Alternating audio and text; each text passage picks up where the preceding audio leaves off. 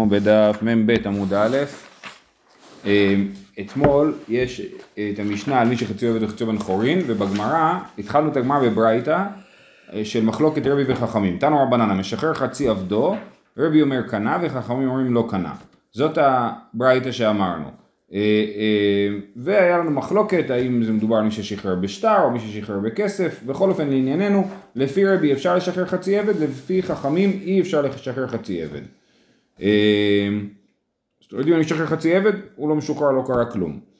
אמר רבא, בדף מ"ב עמוד א' שורה ראשונה, אמר רבא מחלוקת בשחרר חציו והניח חציו, אבל שחרר חציו ומכר חציו, נתן במתנה חציו, כיוון דקנפיק מיני כולי, דברי הכל קנה, זאת אומרת, כל המחלוקת של רבי וחכמים היא כאשר הוא שחרר חצי וחצי שמר לעצמו. אז יש מחלוקת שלפי רבי הוא שחרר ולפי חכמים הוא לא שחרר. אבל אם הוא חצי שחרר וחצי מכר, או חצי שחרר וחצי נתן במתנה, אז ברור שהוא, שהעבד באמת הוא חצי עבד, כן? הוא משוחרר חציו, למה? כיוון דגנפיק מיני כולי דברי הכל קנה, כיוון שהאדון הראשון כבר זהו, הוא לגמרי הסיר אחריות מהעבד, חצי הוא שחרר, חצי הוא מכר, אז לכן הוא בכלל לא אדון יותר, ולכן כן, זה כן עבד, והעבד הוא כן חציו משוחרר, אפילו לשיטת אה, חכמים. אבל אמרנו שהוא שחרר חצי, הוא לא עשה כלום. אז, אז, זה בדיוק, אז זה בדיוק רבא אומר, אם הוא שחרר חצי הוא לא עשה כלום, כאשר הוא השאיר לעצמו חצי, אבל אם הוא חצי הוא שחרר וחצי הוא מכר, אז הוא כן עשה. כיוון שהוא בעצם אמר, אני לגמרי משחרר, אני לא רוצה יותר קשר לעבד הזה, אז לכן זה כן עובד, השחרור חצי הזה. איזה חצי נשאר אם הוא נתן מתנה? חצי הוא נתן מתנה, חצי הוא שחרר. בסדר, אז חצי כבר לא נמצא, ומה שהוא נתן מתנה, אז הוא מתנה בתור עבד? כן, כן, פשוט הוא, שוב, הוא יצא מהסיפור לגמרי, ולכן זה עובד. אנחנו לא יכולים להגיד שהעבד הזה הוא עבד של השני שקיבל את המתנה, כי זה לא רלוונטי, הוא לא היה עבד שלו אף פעם, כן? ואנחנו גם לא יכולים להגיד שהעבד נשאר עבד של האדון הראשון, כי העבד הראשון, האדון הראשון אמר אני לא רוצה, לא רוצה יותר את העבד הזה, ולכן זה כן עובד, חצי משוחרר. זאת אומרת, לפי רבי תמיד אפשר לשחרר חצי, אבל פה אפילו חכמים מסכימים.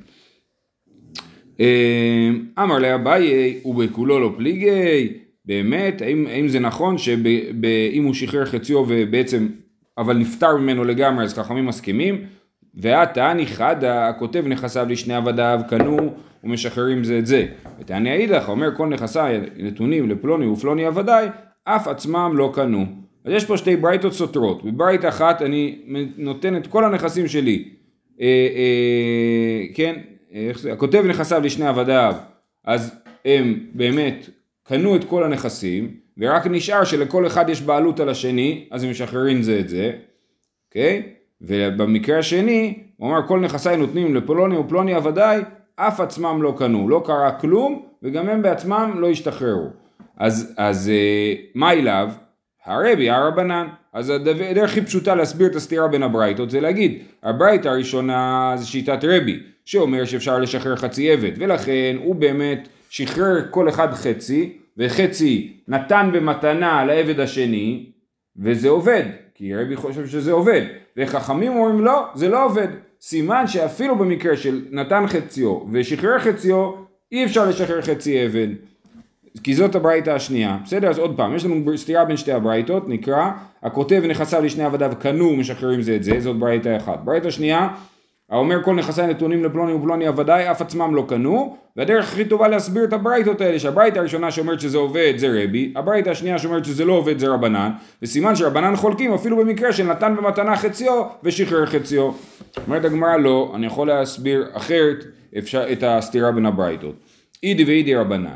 שתי הברייתות הן לשיטת רבנן, הדאמר כולו, הדאמר חצי חצי. אם הוא אמר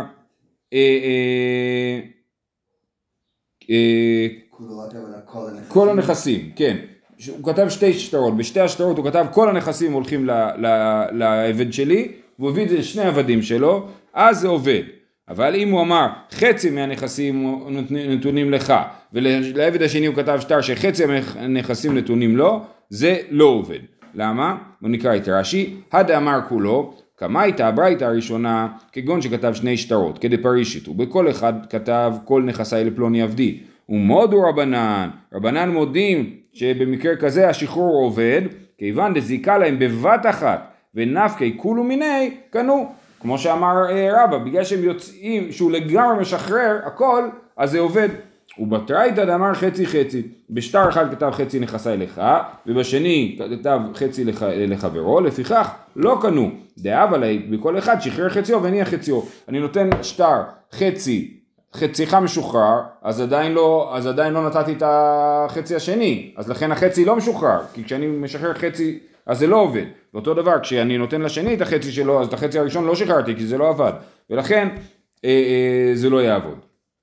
אז זה האוקימתא. האוקימתא היא שהברית הראשונה, הכל לפי רבנן, שכאשר אני משחרר חצי ונותן במתנה חצי זה עובד, כאשר אני משחרר חצי ולא נותן במתנה חצי זה לא עובד. ולכן הברית הראשונה היא כשנתן את הכל לשני העבדים, אז זה כאילו שחרר חצי ונתן חצי, והברית השנייה היא שכתב חצי לכל אחד, אז בעצם כל פעם יש פה רק נת, אה, אה, שחרור חצי ואין פה נתינה של החצי השני. אה, עד, עד אמר כולו, עד אמר חצי חצי. אומרת הגמרא, הקימתא הזאת היא לא הגיונית. אתה אומר שהברייתא השנייה מדברת על מצב שהוא נתן חצי חצי, אבל הסוף של הברייתא השנייה, שלא קראנו, אומר בדיוק את הדבר הזה, המידי קטני סייפי ואם אמר חצי חצי לא קנו, מכלל דרישא דאמר כולו.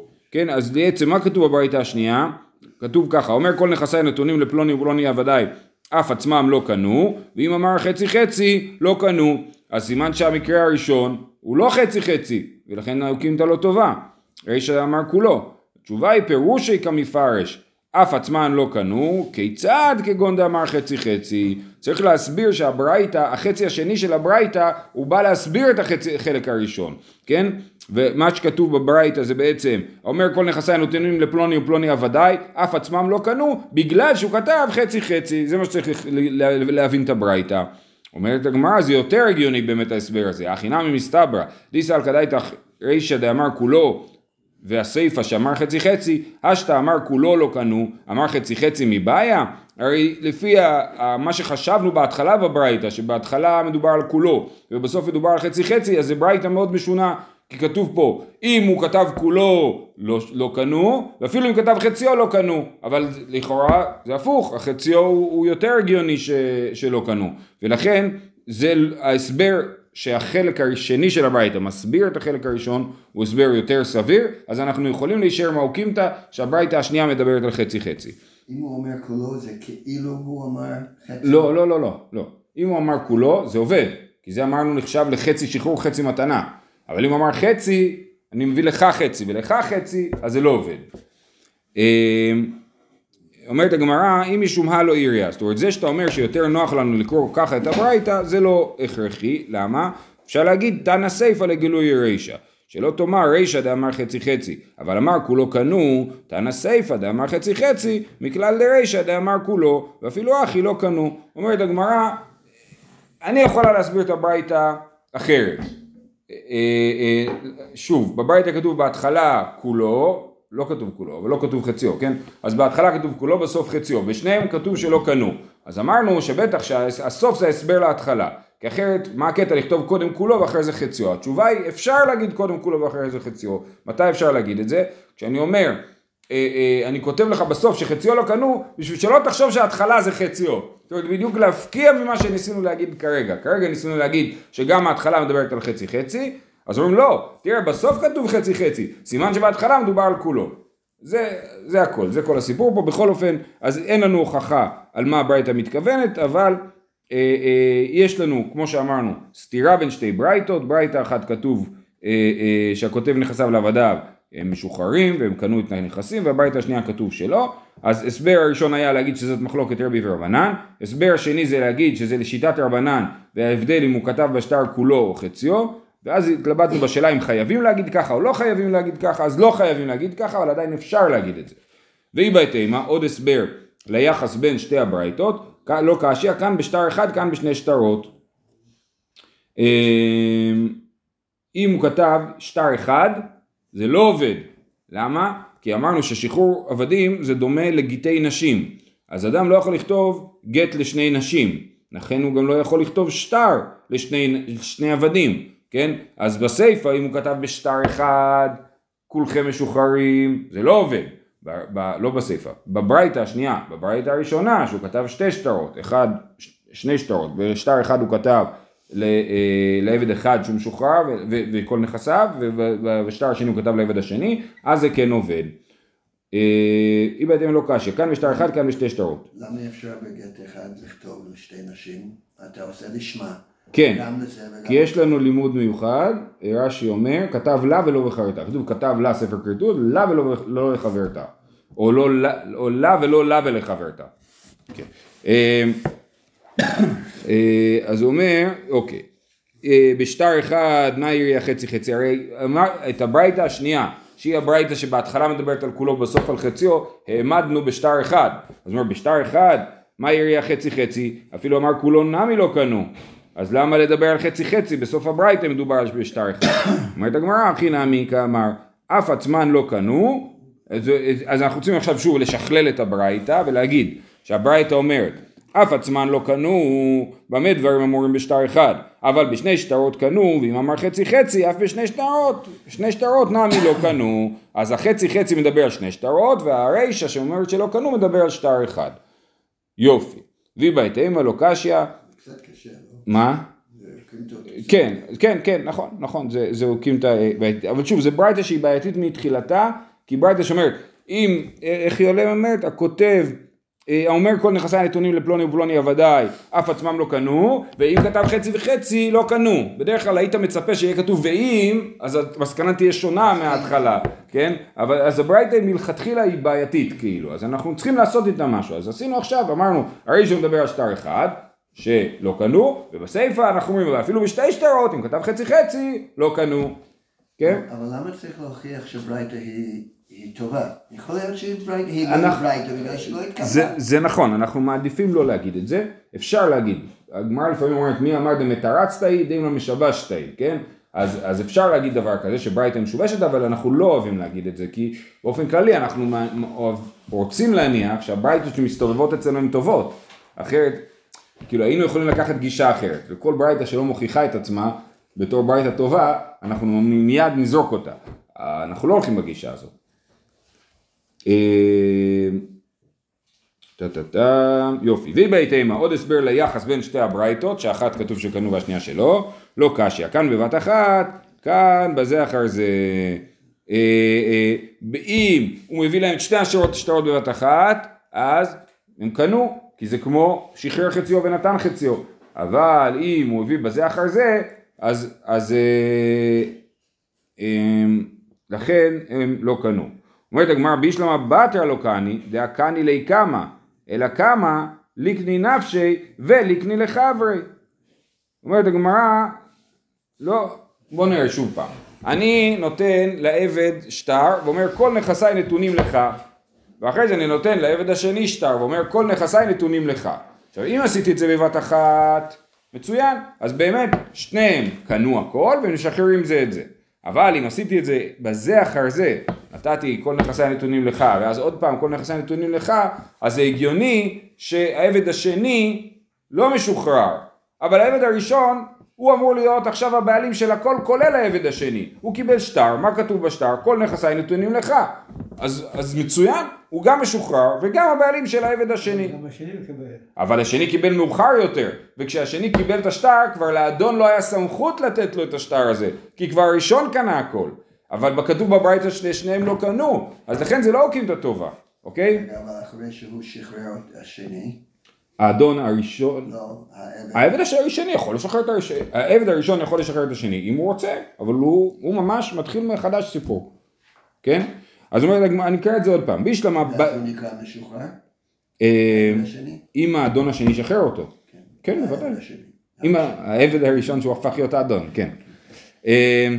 אה, בישלמה בתרא לא קני, דאה קני לי קמא, זאת אומרת הראשון קנה אותו, אלא קמא ליקני נפשי וליקני לחבר שיקנה את עצמו ואת חברו, לכן זה לא תירוץ טוב, ולא מסביר טוב את הברייתא, זאת אומרת, אם עשו דבר כזה זה מה שיקרה, רק זה לא מסביר טוב את הברייתא, זאת הנקודה.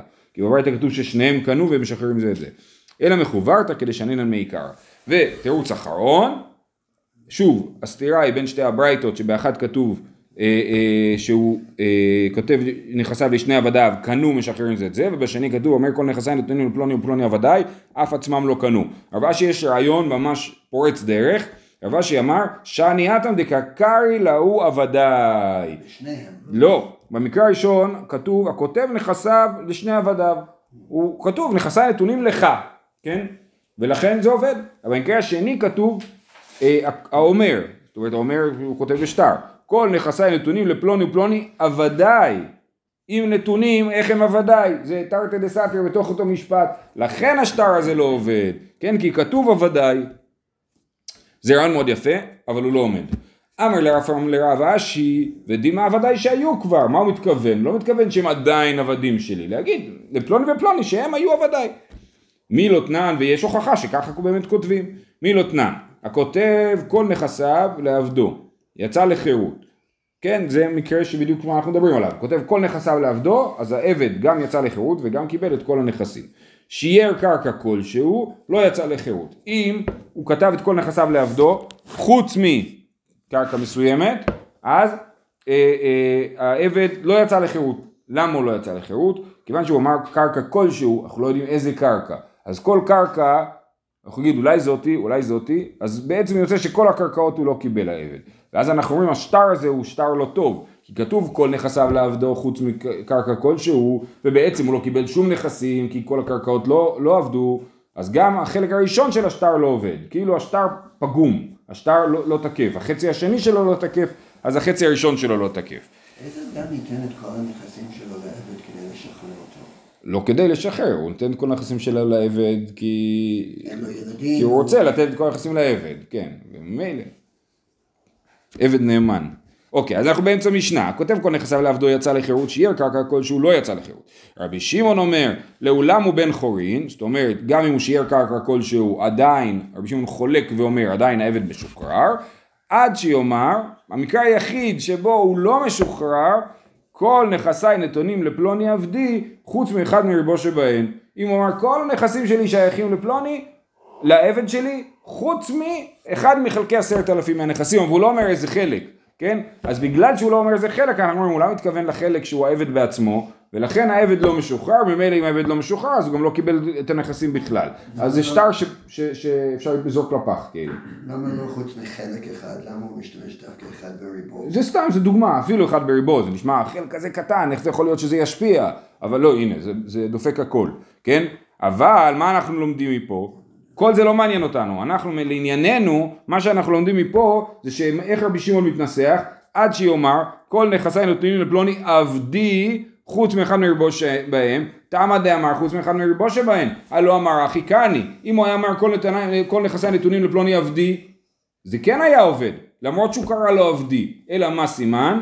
עמי ועבדי עבד קקרי לי, אלא עבדי שהיה כבר, הכי נמי, עבדיי שהיו כבר. זהו, נסתיימה הסוגיה הזאת. אה, אה, אמרנו שיש לנו את הרעיון של רבא ששחרר חציו ונתן במתנה חציו, זה עובד אפילו לרבנן. אז הבאנו סתירה בין שתי ברייתות ובדקנו איזה תירוצים אה, אפשר לתת להם.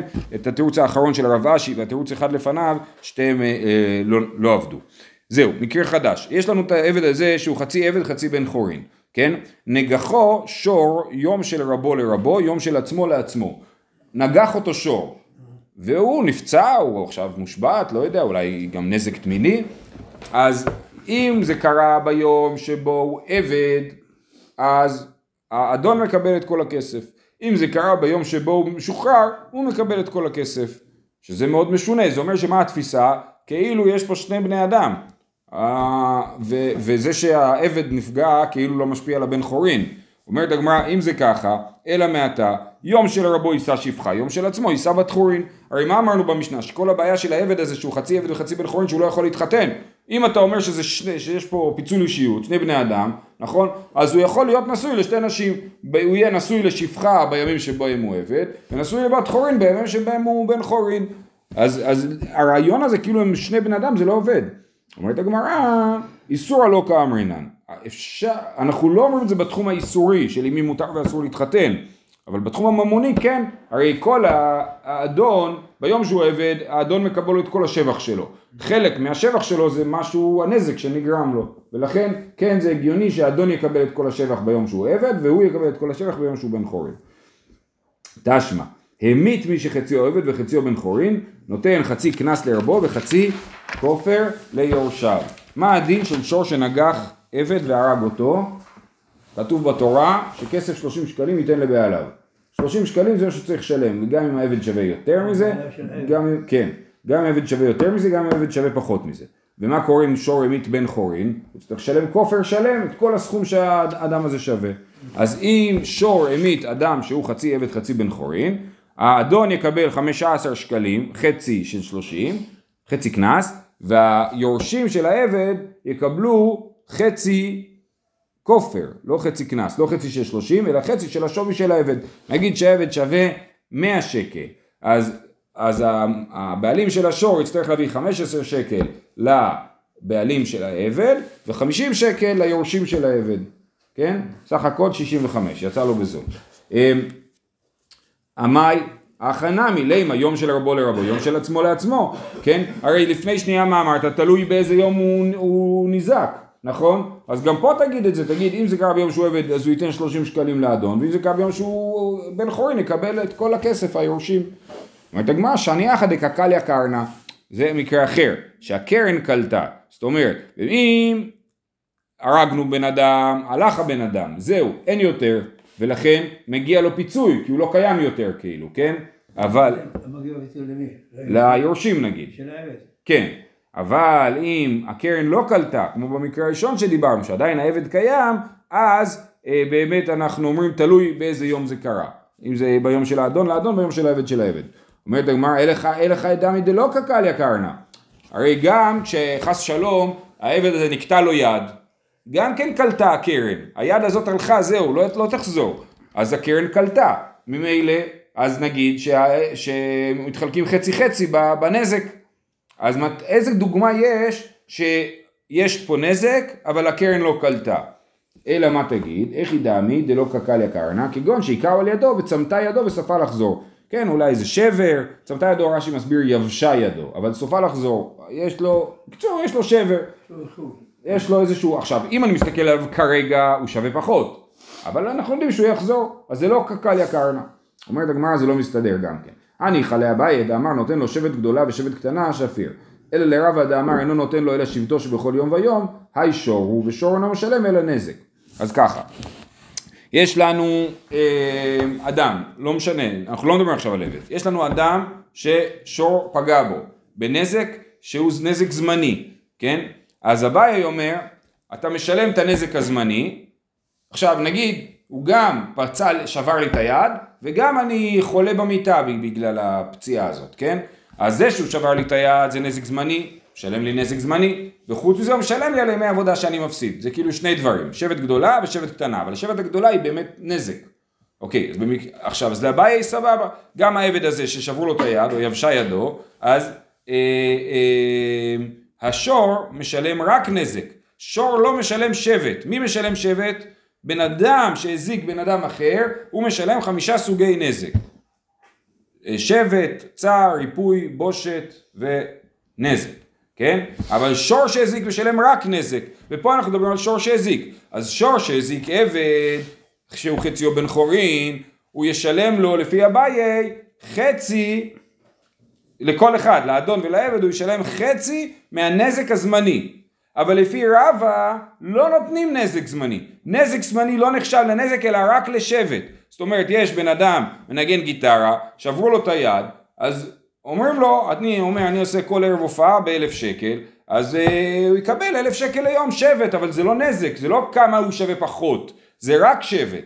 ורק שבט, שור לא משלם שבט. אז אם שור נגח יד של נגן גיטרה, והיא שבורה באופן זמני, אז הנגן גיטרה לא יקבל נזק, הוא יקבל רק שבט, בסדר? ושבט, סליחה, הוא לא יקבל כלום, הוא לא יקבל כלום, כי שור לא משלם שבט. שור שהזיק לא משלם שבט. אז אומרים לו זה לא נזק קבוע, זה נזק זמני, שור לא משלם נזק זמני, וזהו. אז שוב, אז על, על מה הברייתא שלנו מדברת? בסדר. לא ברייתא אפילו, סליחה, זה מימרה. אז השור לא משלם, אבל הבעלים של השור... לא, לא, לא, לא, אני מדבר... כן, אז זה אומר, אני חלה בית, דאמר נותן לו שבט גדולה ושבט קטנה שפיר, אז מובן, אלא לרב דאמר אינו נותן לו אלא שבטו שבכל יום ויום, היי שור ושור אינו משלם אלא נזק. אז אה, בואו בוא נזכר איפה אנחנו עומדים. היה לנו מימר שאומרת, נגחו שור יום של רבו לרבו, יום של עצמו לעצמו, נכון? ואז אמרנו שאם זה קליה קרנה, זה לא, שם ברור שמקבלים חצי חצי את הנזק. אלא מדובר פה במקרה שהקרן לא קלטה, אלא יש נזק זמני. אנחנו אומרים נזק זמני, בכלל לפי רבא לא משלמים, אז על מה מדובר ב- ב- במימרה הזאת? אומרת הגמרא, תירוץ ראשון, אי בהתאמה כשהיכהו אדם, מדובר שאדם אחד היכה אדם אחר, והוא חציו עבד וחציו בן חורים, אז הוא משלם, אז תלוי באיזה יום הוא היכה אותו, ואי בהתאמה מימרה היא, ומימרה לרבא לא סביר עליה, זאת מימרה, זאת לא ברייתא, רבא לא מסכים עם הברייתא, עם המימרה הזאת, והוא חולק עליה, ובאמת אין את הרעיון הזה, שלפי רבא שהוא משלם חצי, אה, לפי היום שבו הוא פגע. זהו, הלאה. איבאיה לו, מעוכב גט שחרור. עכשיו אנחנו לא מדברים על מי שחציו עבד וחציו בן חורין, אנחנו מדברים שמי- שמעוכב גט שחרור. כן? מה זה מעוכב גט שחרור? ראינו מלא דוגמאות של זה. אדם שהוא נמצא בסטטוס שהוא משוחרר ולא משוחרר. כמו מי שהפקיר אותו רבו, נכון? הפקירו אדונו, אדונו אז משוחרר אבל צריך גט שחרור, נכון? הוא הפקר אז הוא משוחרר והוא צריך גט שחרור. אז הוא מעוכב גט שחרור. הוא לא עבד, אבל הוא גם לא בן חורין, הוא במצב ביניים. אז האם, אז עכשיו אנחנו נשאל כל מיני שאלות על המצב ביניים הזה, האם הוא נחשב לעבד או לבן חורין. אז היא באה לו, מעוכב גט שחרור. יש לו קנס או אין לו קנס? כסף 30 שקלים ייתן לאדוניו אמר רחמנה, והאליו אדונו. או דילמה, כיוון דמחוסר גט שחרור, אדון קרינה ב... יש לנו כלל, כמו שהסברנו מקודם, ששור שנגח עבד, אז מה הדין? לא משנה כמה עבד שווה, כסף 30 שקלים ייתן לבעליו. אז מעוכב גט שחרור הזה. קיבל נגיחה משור, תוך כדי שהוא מחכה לגט שחרור, מה, מה הדין? האם נותנים 30 שקלים לאדון או לא? כמה זה היום בערך? לא יודע. אה, חמיש, אני חושב, חמישה שקלים בשקל הקודש של פדיון הבן, זה היו בערך 200 שקל. אז 30 זה פי 6, זה 1,200 שקל. אה, תשמע, המית מי שחציו עבד וחציו בן חורין, מי שחציו עבד וחציו בן חורין הוא גם כן מעוכב גט שחרור. למה? כי אמרנו שהודו בית הלל לבית שמאי, ואמרו, הם אמרו את עצמו תיקנתם, את, את רבו תיקנתם, את עצמו לא תיקנתם, אז הוא מחכה לגט שחרור. ומה הדין כתוב פה? המית מי שחציו עבד וחציו בן חורין, נותן חצי קנס לרבו וחצי כופר ליורשיו, ראינו את הברייתא הזאת מקודם. סימן שמי שמעוכב גט שחרור, באמת האדון מקבל את הקנס. פה זה חצי, כי הוא חצי, אבל אם הוא מעוכב גט שחרור לגמרי, הוא עבד שלם שמעוכב גט שחרור, אז האדון יקבל את כל הקנס. אומרת הגמרא, מה אליו כמשנה האחרונה? הברייתא הזאת היא מדברת אחרי שהחלטנו שבאמת חייבים לשחרר עבד כזה, כן? מה אליו כמשנה האחרונה? אומרת הגמרא לא כמשנה ראשונה. אפשר להסביר שהברייתא הזאת נכתבה לפני שבית הלל הודו לבית שמאי, כן? ואז לפני שבית הלל הודו לבית שמאי, אז אנחנו לא נמצאים בסטטוס שהוא מחכה לגט שחרור, כי לפי בית הלל, כן, אין בעיה, עובד יום את עצמו, יום את, את רבו וזהו, והוא לא מחכה לגט שחרור. ולכן, אה, אה, זה לא מוכיח. תשמע, הפיל את שינו וסימא את עינו. האדון, מה הדין שהאדון מפיל את השן של העבד? יוצא לחירות. העבד יוצא לחירות, נכון? יש 24 ראשי איברים. כתוב בתורה שן, עין, שן ועין, שבשן ועין הוא יוצא לחירות, ועם זה למדו ל-24 ראשי איברים, זה 20 אצבעות, אף, אה, אה, איבר המין ושיניים ועיניים, כן? זה 24 ראשי מה עם איברים. אוזניים הרב? אוזניים אני חושב שלא, אבל... אה, כי אפשר לשמוע. אה, אני לא בטוח. אני חושב שלא. בכל אופן, אז העבד יוצא לחירות ב-24 ראשי איברים. אז האדון עשה את שניהם, גם הפיל לו שן וגם הוציא לו עין. מה הדין? הוא, הוא, הוא יצא לחירות בראשון, אז הוא משלם לו על השני. בראשון הוא יצא לחירות, על השני הוא כבר בן חורים, הוא משלם לו. תשמע, הפיל את שינו וסימא את עינו, יוצא בשינו, ונותן דמי עינו. ואם אמרת יש לו קנס, וקנס לרבו, אם אתה אומר שמישהו מעוכב גט שחרור, אז האדון מקבל את הקנס, זה לא הגיוני. אשתא, חבלה באחריני, יאב אלי לרבי, חבל בי רבי גופי, יאיב לי לדידי. אם אה, אנחנו אומרים שכל האחרים שחבלו בו, אז האדון מקבל את הכסף. אז אם האדון חבל בו, הוא יקבל את הכסף, משהו, זה לא הגיוני. או שתמיד האדון מקבל את הכסף, או שתמיד העבד מקבל את הכסף. והוא מעוכב גט שחרור, ברגע שהפילו לו את השן, אז הוא מעוכב גט שחרור, צריך לשחרר אותו ולא משוחרר. אומרת הגמרא, זה לא מוכיח, למה? דילמה כמאן דאמר אינו צריך. יש לנו מחלוקת, האם מי שהאדון הפיל לו את השן, צריך גט שחרור, או שהוא משוחרר אוטומטית בלי גט שחרור. אז יכול להיות שהוא בכלל נחשב למעוכב גט שחרור, הוא פשוט אדם חופשי לגמרי, ולכן זה לא מוכיח למקרה שלנו. דילמה כמאן דמר אינו צריך, דתניא, בכולן עבד יוצא בהן לחירות, בראשי איברים, וצריך גט שחרור מרבו, דיבר רבי ישמעאל, ויש פה גרסה רבי שמעון, רבי מאיר אומר אינו צריך, רבי אלעזר אומר צריך, רבי טרפון אומר אינו צריך, רבי עקיבא אומר צריך, המכריעין לפני חכמים, זה, אנחנו לא יודעים מי זה, אבל מישהו שאמר בוא נעשה איזשהו סוג של פשרה בין כל השיטות פה, אומרים, נראים דריבר רבי טרפון בשן ועין, הואיל והתורה זכתה לו, ודיבר רבי עקיבא בשאר איברים, הואיל וקנס חכמים הוא. זאת אומרת, בשן ועין, העבד לא צריך גט שחרור. בשאר ראשי איברים, הוא כן צריך גט שחרור. אומרת הגמרא, אני מסיים עוד חצי דקה, אומרת הגמרא, מה זאת אומרת קנס חכמים? קנס הוא קראי כדרשינן, זה לא קנס, זה דרשת הפסוקים. אלא אימה, הואיל ומדרש חכמים הוא, בגלל שזה מדרש חכמים ולא כתוב במפורש בתורה, אז אנחנו אומרים שבאמת צריך גט שחרור. מסביר רבנו תם, למה? בגלל שאנחנו אומרים, זה לא כתוב במפורש בתורה, אז האדון ימצא אותו ויגיד לו, אתה בכלל לא משוחרר, כן? לכן, בגלל שזה לא כתוב בתורה, האדון יכול לטעון את זה, כי לא כולם יודעים את המדרש. לכן אנחנו אומרים שייתן לו גט שחרור גם, שיהיה לו משהו ביד. מה לא כתוב בתורה? שעבד יוצא בראשי איברים, רק בשן ועין כתוב בתורה. כל השאר נלמד במדרש. זהו, אנחנו נעצור פה. כל אחד שם.